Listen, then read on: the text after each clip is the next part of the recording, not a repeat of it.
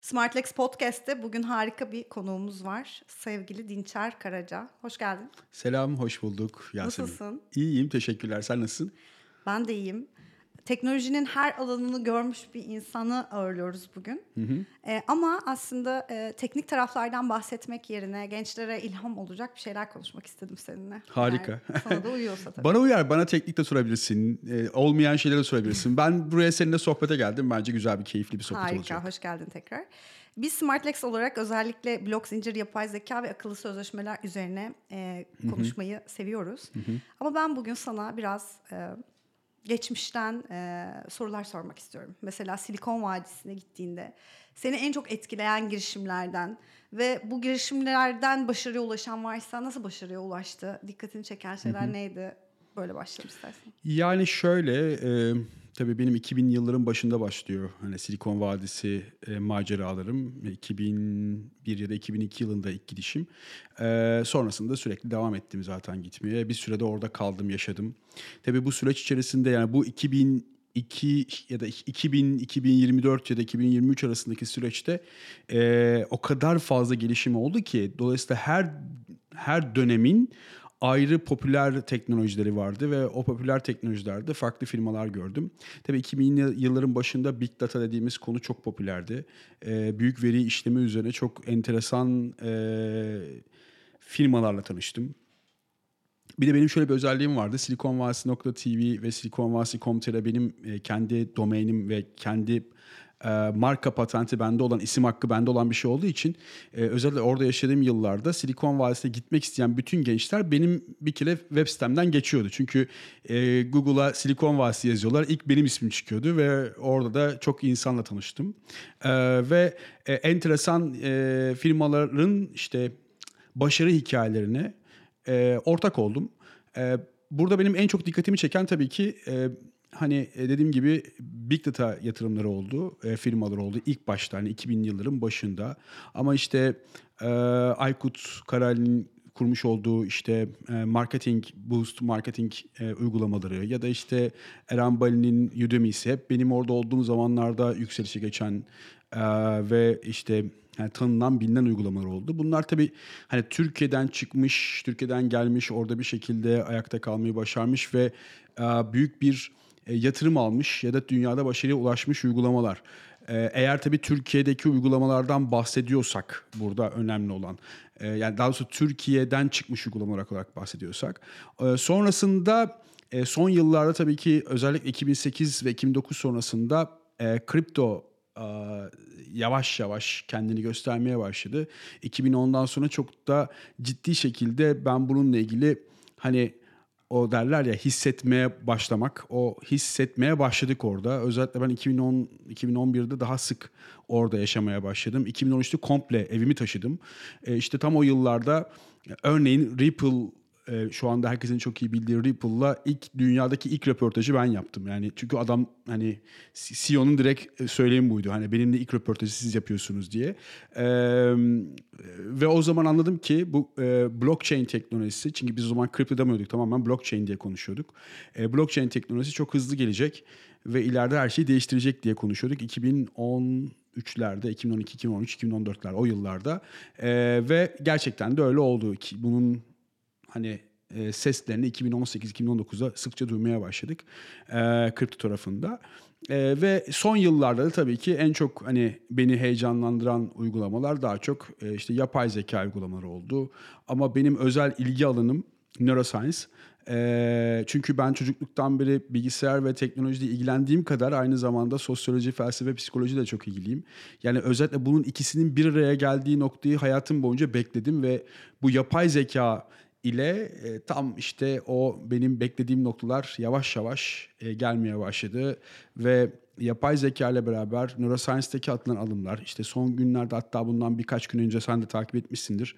Elon Musk'ın Neuralink firmasında artık insanlı. E, deneylerin başlaması, ilk e, insana beyin çipinin takılması ve bu konuda ilgili ilk adımların atılması bence dünyada bir milattır. Yani ileride bunu bir milat olarak alacağız. E, Ocak 2024 insanlık tarihi için bir milat olacak bence. Şu anda çok farkında değiliz belki. E, ve bundan sonra yaşanacak gelişmeler E, bence e, bugüne kadar dokunulmayan, çok fazla dokunulmayan bir yerdi beyin e, ve sinir bilim. E, ve bu konuda 2013'ten beri takip ettiğim e, dünyada işte hem e, Brezilya'da hem Amerika'da çok önemli neuroscience uzmanları var. E, ve bu bence genel olarak konuştuğumuz transhumanizm e, akımının son yıllardaki e, büyük e, ayak sesleri olarak karşımıza çıkacak. E, dolayısıyla sen neden etkilendin dersen ben neuroscience ve yap, özellikle son dönem için söylüyorum. E, neuroscience ve e, yapay zeka tarafındaki bütün e, bu yeni gelişmelerden oldukça fazla etkileniyorum ve çok yakından takip ediyorum. Bu işin zevk kısmı diyeyim. Ticari kısmında ise tüm dünya e, bence blockchain teknolojilerine gittikçe alışmaya başladı ve e, bununla ilgili yasal süreçleri bekliyorlar, regülasyonları bekliyorlar. Bence elektronik ticaret ve ticaret kısmında çok ciddi anlamda e, Web3 ve blockchain teknolojilerine implemente olacak. Daha daha fazla içine girecek, daha fazla kullanıyor olacak. Dünyanın bence en güvenilir e, veri iletim sistemi olarak tanınacak blockchain bir süre sonra. Şimdi sadece kriptolar olarak tanınıyor. E, o olduktan sonra da ticari hayatta da büyük e, gelişmeleri göreceğiz. Neuroscience korkutuyor mu seni? Hayır tam tersi çok zevkli. Peki acaba nasıl testler yapıyor Elon Musk laboratuvarlarında? o cipi yerleştirdikten sonra neler deniyor? Yani, acaba iradesini etkilemek yönünde mi yoksa yani hafızası bence, hafızayla ilgili bir e, deney mi yapıyorlar? Ne yapıyorlar sen? Yani öncelikle veri iletimiyle ilgili deneyler yapıyorlar bence. E, çünkü bu işin temelinde veri iletimi var. Yani bir cihazdan gönderilen sinyallerin beyindeki sap, yani beyindeki karşılığının alınması. Ben bundan yıllar evvel birçok yerde anlattım hatta işte sunumlarımda da anlatıyorum. E, ben bundan yıllar evvel e, CES e, fuarında Las Vegas'ta her sene yapılan Consumer Electronics son kullanıcı fuarında e, bununla ilgili bir deney, deneyi birebir yaşamıştım. Yani birebir deneyimlemiştim. Tabii o zaman beynime çip, tak, çip takmadılar ama e, işte başıma taktıkları bir e, bant ile e, bir robotla iletişime geçmiştim e, ve gerçekten de robotla birebir e, veri iletişimde bulunmuştum. Daha doğrusu ben veriyi ben göndermiştim, o bana göndermemişti. E, ama e, o iki, bu ya 2015 ya 2016'tır bu tarihler. Yani yaklaşık demek ki 7-8 yıl evvel ben bu soruyu yani acaba robot da bize etkileşimde bulunabilir mi? O da bize veri gönderebilir mi sorusunu ben zaten soru olarak sormuştum o zaman oradaki e, öğretim ilginç. görevlisi arkadaşa. Bir üniversite projesiydi. E, şu anda tam da işte Elon Musk'ın yaptığı olay bu e, yaklaşık zaten 2018-2019 gibi e, Neuralink kuruldu ve çalışmalarına başladı. Bunu maymunlar üzerinde yaptılar biliyorsun deneyleri ve gayet de başarılı oldu. E, ve bence insanda şu anda ilk yapı, yapılan şey e, verinin doğru iletilmesi. Yani gönderdikleri komutların doğru olarak beyne ulaşmasının sağlanması. Bence ikinci aşama bunun işlenmesi. Üçüncü aşamada bunun depolanması kısmı olacak. Yani bu bence faz faz ilerleyecek. Bence bir şey, birinci fazı çoktan tamamladılar. Ee, yani onu oraya yerleştirebilmesi için birinci fazı tamamlamış olmaları gerekiyor. Ee, gene bu benim kişisel tahminim. Bu çoktan oldu. Ee, şu anda sadece e, legalize ediyorlar. Ee, ben, bu tamamen bu arada komple teorisi benim düşüncem. Ee, ama şunu biliyorum ki 10 yıl sonra 15 yıl sonra çok başka bir ırkla karşılaşacağız. Yani 15 yıl sonra böyle hani böyle bilim kurgu filmlerinde seyrettiğimiz hadi canım olur mu dediğimiz birçok şeyi 15-20 yıl sonra görüyor olacağız. Belki o kadar bile değil. O yüzden işte bizim yaşlarda olup bugünlerde çocuğu olanların e, geleceği çok garip. Yani bizim gibi olmayacağı kesin. Yani bunu çok net olarak söylüyorum. Yani onların e, konuşacakları ya da ne derler rakipleri normal insanlar olmayacak. Şimdi bizim rakibimiz kimdi? Örnek olsun diye söylüyorum. İşte Harvard mezunu, Stanford mezunu. Tırnak içinde söylüyorum. Dünyanın iyi üniversitelerinden mezun olmuş insan grubu bizim dünyadaki rakiplerimizdi. Örnek olsun diye söylüyorum. Şimdi ilerleyen yıllarda bu olmayacak. Çünkü ne Harvard'a gitmek ne Stanford'a gitmek ne de herhangi bir üniversiteyi bitirmeye gerek kalmayacak bir dünyaya doğru gidiyoruz.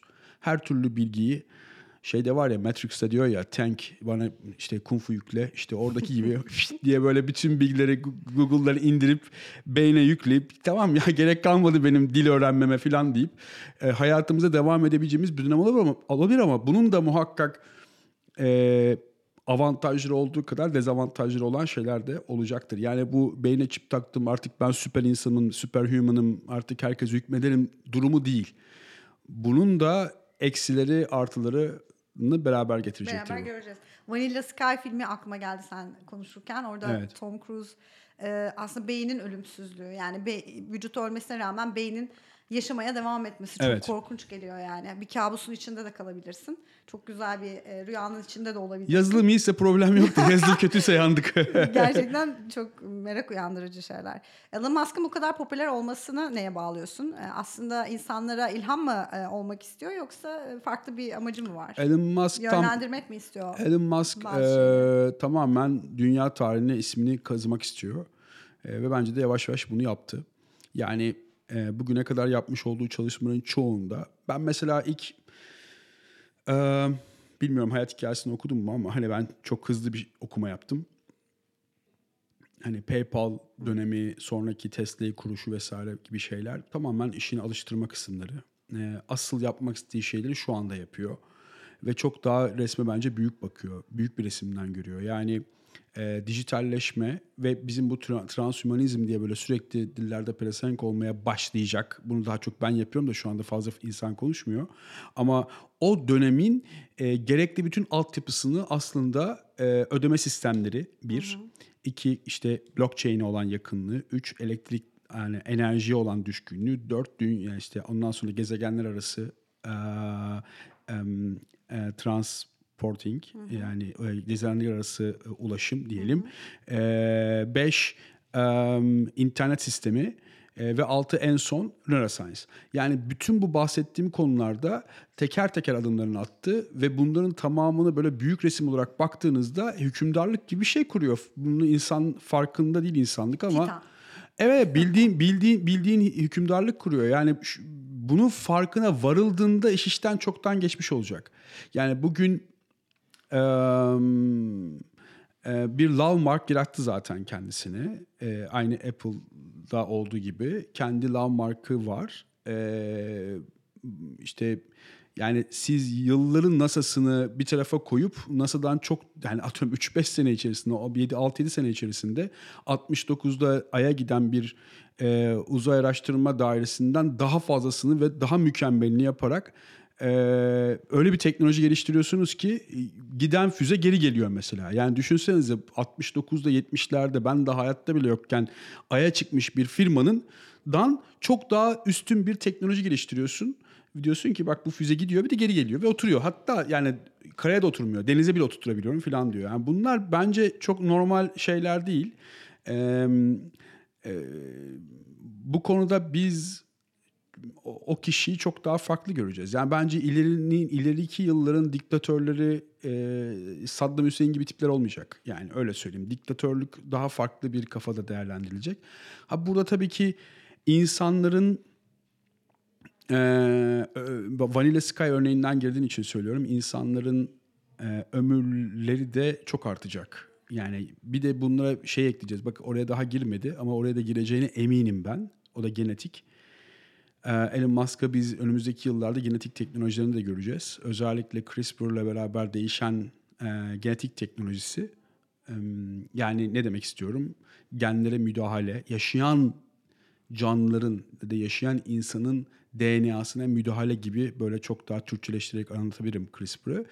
Ee, bu noktada da bence çok şey yapacaktır. Özellikle neuroscience'a dokunduysa buraya kesin dokunacaktır. Dokunmuştur başka bir insan ırkı Vanilla Sky diyordun. Ee, orada da tabii şey var. İnsanların bir süre sonra e, farkındasındır sen de daha mutsuz bir çağdayız. Yani e, 30'larda 40'larda savaş vardı. 20'lerde savaşlar vardı. Dünya savaşları. İnsanların çok mutsuz olması gerekiyordu ki mutsuzlardı ama umutsuz değillerdi.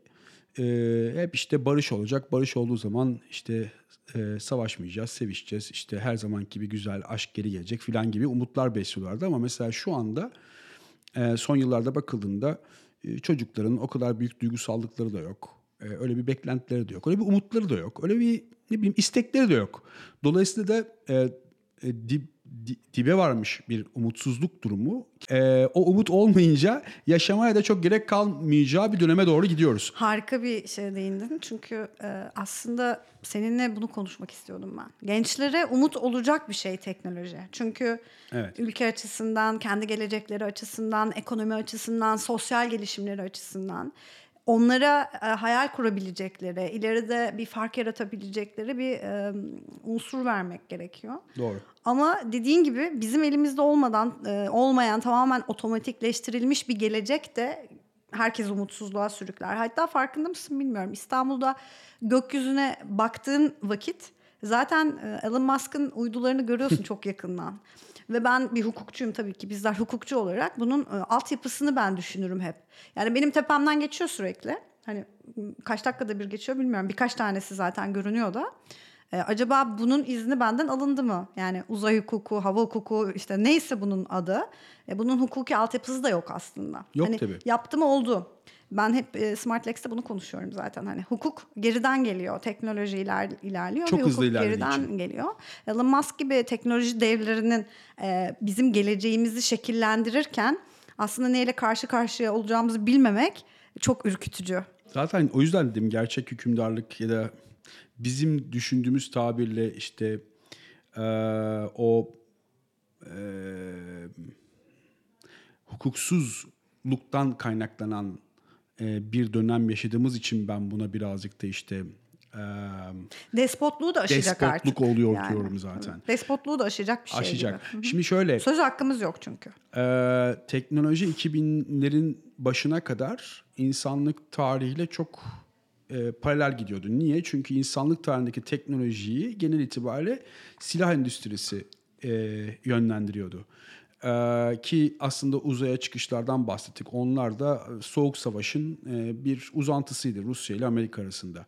Şimdi 2000'lerden sonra biraz devir değişti. Özellikle web e, özür dilerim e, sanayi 4.0'a geçişle beraber yani internet teknolojilerinin çıkmasıyla beraber dünyadaki iletişimin hızı artınca bir anda kendimizi şeyde bulduk.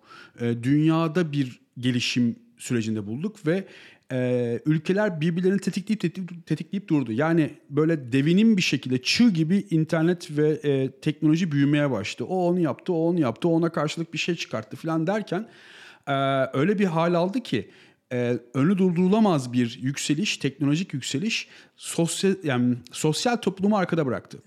O yüzden çok mutsuz olduk. Yani biz teknolojiye yetişemediğimiz için daha ya ben şöyle söyleyeyim biz daha henüz toplum olarak bilgisayara henüz alışıyor olmalıydık. Yani daha henüz. Çünkü bu dünya tarihinde hep böyle oldu. Yani bir teknoloji geliyor 30, 40 yıl, 50 yıl, 100 yıl o teknolojiye bir alışılıyor. Sonra ikinci mesela örnek olsun 1800'lerden eee 1900'lerin ortalarına kadar sanayi devrimi başlıyor ve buhar teknolojilere falan başlıyor. Yani biz 100 yıllık bir süreç. aşağı yukarı 100 Ama yıllık senin bir- sohbete başlarken söyledin 2010, 2009'dan 2024'e kadar 15 yıllık bir süreç. Aynen tam da bunu söylemeye evet. çalışayım. Yani biz şu anda daha önceki jenerasyonların 100 yılda yaptığını biz 15 senede Daha da yaptık. kısalacak. Daha da kısalacak ve biz yetişemiyoruz artık. Yani şimdi bizim yetiş yani sosyolojik olarak bizim yetişemediğimiz bir yerde hukuk hiç yetişemez. Çünkü hukuk dediğin şey aslında sosyal toplumlar için geliştirilmiş bir araç. E daha senin yani e, sosyolojik olarak sen daha bunu çözemedin ki. Daha alışamadın ki. Neyin hukukunu çıkartacaksın? Bilmiyorsun çünkü. Hiçbir fikrin yok. Yani bugün gitti gidildiğinde işte se- sen de çok iyi biliyorsun. Daha bizim kendi hukukçularımız blockchain hakkında bir şey bilmiyor ki. Yani kaç tane avukat, kaç tane atıyorum hukuk profesörünün blockchain ya da atıyorum bu teknolojide ala- alakası var ya da anlayabiliyor. Bırak alakası olmayı. Çünkü bu bir süreç. Yani senin gibi bizden sonraki nesiller yetişecek, edecek, anlayacak, kullanacak vesaire. Ondan sonra onun hukuku çıkacak. Bu medeni hukukta da böyle olmuş ki sen benden çok daha iyi bilirsin. İşim bu. Diğer hukuk dallarında da böyle olmuş. 2000'lerin başında biz elektronik ticaret ilk örneklerine verildiğinde 2006'ya kadar 1 milyon olay oldu. 2006'da dünyada ilk e, elektronik ticaret hukuku çıktı. E, yine bize gelmedi. Biz 2006'dan 2013'e kadar yine beklemeye devam ettik. 2013 yılında biz elektronik ticaret hukukunu e, kendi hukuk sistemimize implemente ettik ve ondan sonra bizde elektronik ticaret yükseldi. Bak 2000'lerden Ama elektronik ticaret yapılıyordu. Bravo. Zaten yani. Evet. Buna, yani 2000'den 2013'e kadar Türkiye'de elektronik ticaret yasak değildi. evet. Dolayısıyla ama bu 13 sene biz onu bir özümsedik. Yani bir sürü işte badireler atlattık, firmalar kuruldu, insanlar kandırıldı, öyle ama işte bu bir süreç. Zaten öyle değil midir? İlk önce bunun için bir hani e, talep oluşmalı. O talebe göre de ihtiyaç ihtiyaç olmalı. Ona göre de talepler karşılanmalı. Şimdi biz daha bunları yaşamadan o kadar fazla sen şimdi onu diyorsun. E, adam taktı çipi. Şimdi de diyelim ki benim kafaya çipi taktılar. Ben dedim ki Elin abi bir tane de bana tak. o da dedi ki ya Dinçer sen çok inovatif adamsın. Takalım sana da. Taktırdım. Güzel. Ben, ben gittim sonra. Sana bir... sor, soracaklarsa problem yok. Yo yo. Şunu anlatacağım. taksalar o daha Ya kötü şimdi orada, orada da ayrıca geleceğim. Ee, ama ben diyelim ki izin verdim ve taktılar bana. Ben şimdi gittim ondan sonra adamın birini gittim bıçakladım. Varsayalım.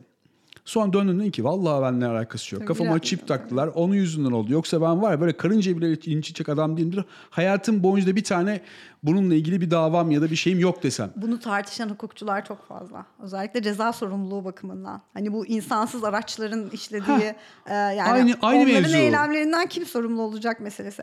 Peki yani gelecekten umutsuzluk yerine biraz e, umut aşılayalım. Belki gençler de dinler. Yani teknoloji açısından sen hangi alanlara yönelmelerini önerirsin? Bu kadar yıllık tecrüben ve deneyiminle artık öngörülmez bir döneme mi giriyoruz yoksa Yok.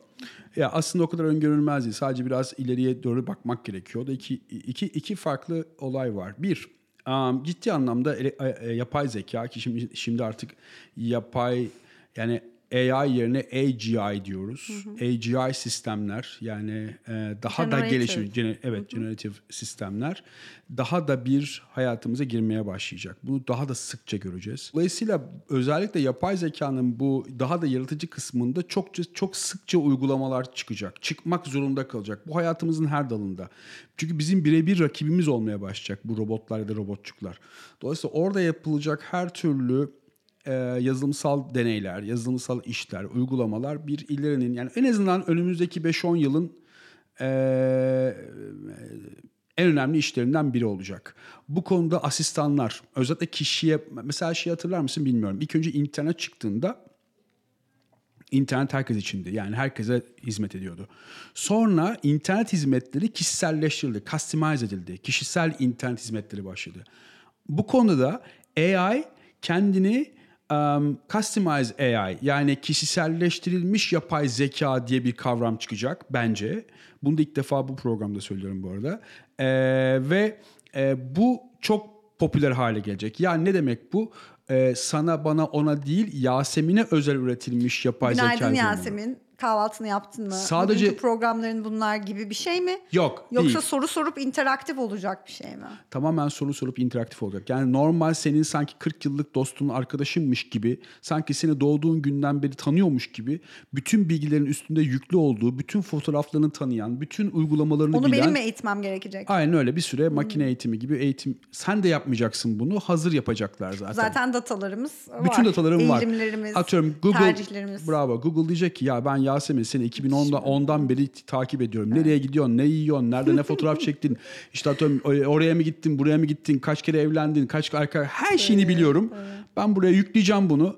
Sana öyle bir e, customize AI yaratıyorum ki senin işte atıyorum bundan sonra hayat arkadaşın bu. Her şeyi konuşabilirsin ve işin güzel tarafı sadece senin ve onun aranda ve sana her türlü problemi çözecek. Yani düşün mükemmel bir arkadaş, dost, sevgili ne diyorsan bunu yaratacak sana. Korkunç da bir taraftan tabii. Şimdi korkunçluk kısmına bakalım. Ama yani geliştirilme kısmında customer, e, e, kişiselleştirilmiş yapay zeka uygulamaları bir iş olacak. İkinci iş iletişim. Burada da foton teknolojileri geliyor. E, foton bildiğin gibi ışık. E, daha hızlı özellikle 5G'den sonra 6G ve de üstünde artık daha hızlı iletişim sistemleri hayatımıza giriyor olacak ve foton teknolojileri üzerine e, şu anda henüz çok büyük gelişimler yok daha çok başındalar. Ee, bu noktada da ben mesela e, bu konuda da çok büyük e, ilerleme sağlanacağını, bundan birkaç sene sonra bu konuyu daha fazla konuşacağımızı düşünüyorum. Üçüncü konuda e, genetik teknolojileri, e, DNA e, DNA müdahale şu anda tamamen kodlama düzeyinde kaldı. E, ama bu kodlama düzeyi yapay zeka e, uygulamalarıyla beraber daha üst katmana çıkacak. E, sen daha doğmadan doğabilecek çocuğunun e, atıyorum 30 sene sonra yaşayabileceği e, hastalıkları bugünden öğrenip buna ait doğduğu anda işte alacakları kök hücreden doğduğu anda ondan yedek parçalar üretmek. Ee, yani atıyorum e, işte evlendin, çocuk yapmaya karar verdin. Daha çocuk çocuk daha dünyaya gelmeden sallıyorum Allah korusun işte e, böbrek hastalığı yaşayacak. Sana bir tane e, şimdiden bir böbrek yaratalım. Çünkü bugün yaratacağımız böbrek tertemiz olacak. Daha yeni doğduğu için sıfır kilometre. E işte iki tane kalp yapalım, bir tane bilmem ne olur normal. Yani yedek, yedek parçaları üretilecek. Şimdi bunlar çok korkunç gibi geliyor ama aslında bütün bunların yapan, yapılış amaçlarından biri insanoğlunun çoğalmasına yardımcı olacak bu. Nereye çoğalmasına? Uzaya çoğalmasına. Yani bizim ortalama olarak şu anda ömrümüz 200-250 yıllar arasında. Yani bugün insan vücudu 200-250 yıl. Yani şu anki kalbimiz işte midemiz, böbreğimiz filan ortalama 250 yıl yaşayabiliyor. Şu ama an bunu... bir bilim kurgu podcast'inin içindeyiz yani gerçekten. ama, ama şimdi... Hayal etmek bile e, şey insana e, böyle yoruyor yani gerçekten. Yok yok yorulmayın. Hepimiz göreceğiz bunu. Onu sana söyleyeyim. Yani ben sen aslında olmazsa... bunlardan bahsederken şeyi düşünmeye başladım. Hani rakiplerimiz eğer bu e, cyborglar olacaksa, bunlar bizim rakiplerimiz olacaksa bu sefer insanlar aslında onların yapamayacağı şeyler yönünden kendilerini geliştirmeye de adayabilirler kendilerini. Bu sefer başka meslek kolları ya da insanoğlunun gelişimine belki katkı sağlayabilir bu e, rekabet ortamı. Ben sana şu kadarını söyleyeceğim. E, şimdi ins, yani teknolojide bağlantısı olsun diye söylüyorum. Şimdi bu bu kadar mükemmel gibi gözüküyor ama şöyle Hı. tarafları da var. Bu, bu teknolojik olarak bir tarafı bir yere götürdüğü gibi diğer taraftan da almaya başladı. Şimdi cyborg olmak e, avantajlı gibi gözükse de onun da aslında dezavantajlı bir sürü problemi çıkartacak ortaya. O yüzden herkes cyborg cyborg ya da cyborg olmak e, istemeyecek. Hayır ben orijinal kalmak istiyorum diyecek. Hatta madem bilim kurgudan girdim e, ileride orijinal olmak bir ayrıcalık olacak. Ben evet. orijinalim, hiçbir şey taktırmadım falan diyecekler. Yani. Filmler var o şekilde. Orijinal evet. olduğunu anla, anlamak da bir şey olacak yani. Aynen. Bir olay olacak. Ee, yani. İşte e, bana diyorlar ki ya Dinçer hocam sen bunlardan bahsediyorsun. Bunlar hep bilim kurgu falan. Ben diyorum ki bir dakika arkadaş ben 2090 94 e, girişteyim üniversiteye. 94-95'te girdim üniversiteye. Ben üniversiteye girdiğimde cep telefonu yoktu. Yani Türkiye'de yoktu. Ee, akıllı saat diye hiçbir şey yoktu. Ee, ve ben o zamanlar işte uzay yolu uzay yolu falan falan izlerken millete bak ileride işte telefonlarımızdan böyle konuşacağız. Telefonlara da gerek kalmayacak. Saatlerimizden konuşacağız falan dedim. Hadi arkadaş sen de amma atıyorsun falan diyorlardı. Yani telefonun yanımda taşıyabilecek olmam bile çok ütopik geliyordu onlara. Ee, şimdi bakıldığında beyne çip takılıyor e, ve veri iletiminden bahsediyoruz. Aradan geçen de 30 yıl. Yani 30 yılda 94, 2024, 30 yıl. E, 30 yıldaki gelişime bakıyorsun. E, yani bir 30 yıl sonrasını düşünmüyorum bile. Yani bir de bir de hani dedim ya çığ gibi büyüyen bir teknoloji hızı var özellikle son 15 yılda. Ben o kadar büyük e, yani o kadar da bilim kurgu şeylerinden bahsetmiyorum. Bahsettiğim aşağı yukarı her şeyin te- temelinde bir altyapı var. Ben sen bunları anlatırken sürekli şunu düşünüyorum. Genetik bilimi, tıp, uzay bilimi, hukuk her şeyin içinde artık teknoloji olacak. Yani bir insan Oldu. vücudunu teknoloji yani gelecek teknolojisi dışında düşünemeyeceğiz. Ve tüm bilimler o işte interdisipliner olacak ve multidisiplinerin yanında interdisipliner hatta hepsinin birbirine geçtiği belki bölümler açılacak ki şu an ülkemizde görüyoruz zaten hukuk fakültelerinde teknolojiyle ilgili bölümler açılıyor ve bu çok güzel bir gelişme. Çünkü bir sosyal bilimci analitik düşünemez diye bir şey yok. Ya da bir sosyal bilimci teknolojiden anlamaz diye bir şey yok. Bir sosyal bilimci teknolojiyi adapte edebilir, işini kolaylaştırabilir, zaman kazanabilir, daha çok para kazanabilir. Evet. Zaten biz bunların peşindeyiz. Bu bilimler arası e, bilgi transferi çok önem taşıyacak gelecekte. O yüzden ben gençlere şunu söylüyorum. Mutlaka teknolojinin kıyısından, köşesinden tutun. Hı hı. Peki Silikon Vadisi'nde işler nasıl? Şu an e, sence hı. farklı şehirlerde de Austin'de bildiğim kadarıyla böyle bir valley yap, yap, yapıyorlar. Başka şehirlerde de olacak galiba. Ya şu anda e, Washington'da e, böyle bir Silikon Vadisi benzeri bir yer. Şu anda değil, bayağı oldu. 7-8 yıl oldu kuruldu. E, Miami, e, daha doğrusu Florida e, da işte blockchain ile ilgili bir merkez kuruldu. Çok bir sürü blockchain şirketi orada açtı. Dediğim gibi Austin'da, Texas'ta e, işte yeni bir yer kuruldu. Nevada bu konuda işte e, bir sürü vergisel avantaj kullandı. Hadi buraya gelin dedi. Ama hiçbiri bir Silikon Vadisi değil.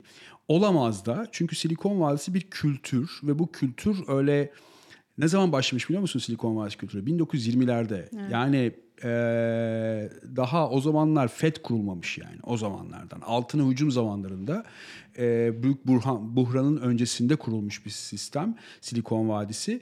E, 1920'lerde başlayan e, bu e, Silikon Vadisi serüveni yani o zamanlarda ismi tabii Silikon Vadisi değil. Palo Alto'da bir üniversite kurulumu. Dolayısıyla bu bir süreç. O yüzden ben işte Austin'e ya da atıyorum e, Dublin'e fark etmez. Ben Silikon Vadisi'ni kurdum diye ya da atıyorum bir yere bilmem ne vadisi ismini verdim diye e, bir bilişim enstitüsü ya da bilişim merkezi kuramıyorsun. E, bence bunun önündeki en büyük pardon bunun bence en büyük etkeni kültürün oluşmasına izin verecek ortamı yaratabilmek. Üretecek beyinleri senin hiçbir şekilde engellememen gerekiyor. Ama hiçbir şekilde altını çizerek söylüyorum. Tamamen yolunu açman gerekiyor. E, Palo Alto'da yani Stanford'ın bahçesinde yapılan şey buydu. Üretecek olan gençleri hiçbir şekilde engellemediler. Yani e, demediler ki buranın bazı kuralları var bu kurallara uymak zorundasınız. Yok böyle bir şey. Yani onlar sadece ihtiyaçları karşılamak adına, ihtiyaçları karşılayabilmek adına gerekli teknolojik bütün gelişmeleri sağladılar en iyi hocalarla. Zaten Amerika'nın mucizesi de orada gizli galiba. Yani Amerika özgür, özgür evet. bırakması. Amerika'nın iki mucizesi var. Bir tanesi e, bu zihinleri özgür bırakıyor. İki bunu çok iyi paketleyip pazarlıyor. Yani bu ikisini yapabildiğinizde Tabii. yani sadece üretmek de yetmiyor. Mesela Çin de çok iyi üretiyor. Ama çok iyi pazarlıyor mu derseniz ı-ı. Tabii canım Amerika'nın e, teknoloji pazarlaması Hollywood'la yarışır. İşte yani, yani. Elon Musk'ın hani roketleriyle ilgili e, duyurularını e, tüm dünya böyle bir film izler gibi izliyor. Dinçer ayaklarını sağlık. Çok teşekkür ederiz. Rica Konuğumuz ederim. oldun. Smartlex Podcast olarak e, seni ağırlamaktan büyük mutluluk duyduk. Benim için de çok keyifliydi. Gerçekten güzel bir sohbet oldu. Ben böyle sohbetleri zaten çok seviyorum. Ee, umarım bunun böyle e, daha sonra daha gelişin yani daha böyle geliştirerek de yaparız. Çünkü önümüzdeki günlerde büyük gelişmeler olacak. Ee, beklediğim şeyler var ama burada burada tease olsun. Bir dahaki Bize program... biraz tüyo verir misin? Vermem. Bizi izlemeye Bizi- devam edin diye. Peki, o zaman- Yasemin'i izlemeye Tamam devam bir edin. söz aldık senden. Tamam, peki. Seni ağırlamak zaten büyük bir keyif. Bir de tiyolar verirsen dediğim gibi teknoloji herkesin umudu gelecek için. Ee, bizleri tabii tembelleştirdiği ve e, aleyhimize gerçekleşen konular da var ama bilmemiz lazım. Sadece şunu İlgilenmemiz lazım. Sadece şunu söyleyeyim. Ee, biliyorsun feodalizm e, e, vardı. Daha sonra işte cumhuriyetler kuruldu, demokrasi kuruldu filan. Ama demokrasinin sonuna geliyoruz. Ee, dünyada değişen bir yönetim sistemi şekli yavaş yavaş ayak seslerini duymaya başlayacağız. O zaman böyle bir tease vereyim. Bununla beraber ve teknolojiyle beraber dünyadaki birçok şey değişecek. Devlet yapıları değişecek, sosyal yapılar değişecek, para birimleri değişecek. Bunun değiştiğini de büyük bir ihtimalle biz de göreceğiz. Yani bu bahsettiğim uzun yıllar almayacak. O yüzden bunu tease'ini vereyim. Başka bir konuda da bunları konuşuruz. Bizi izlemeye devam edin.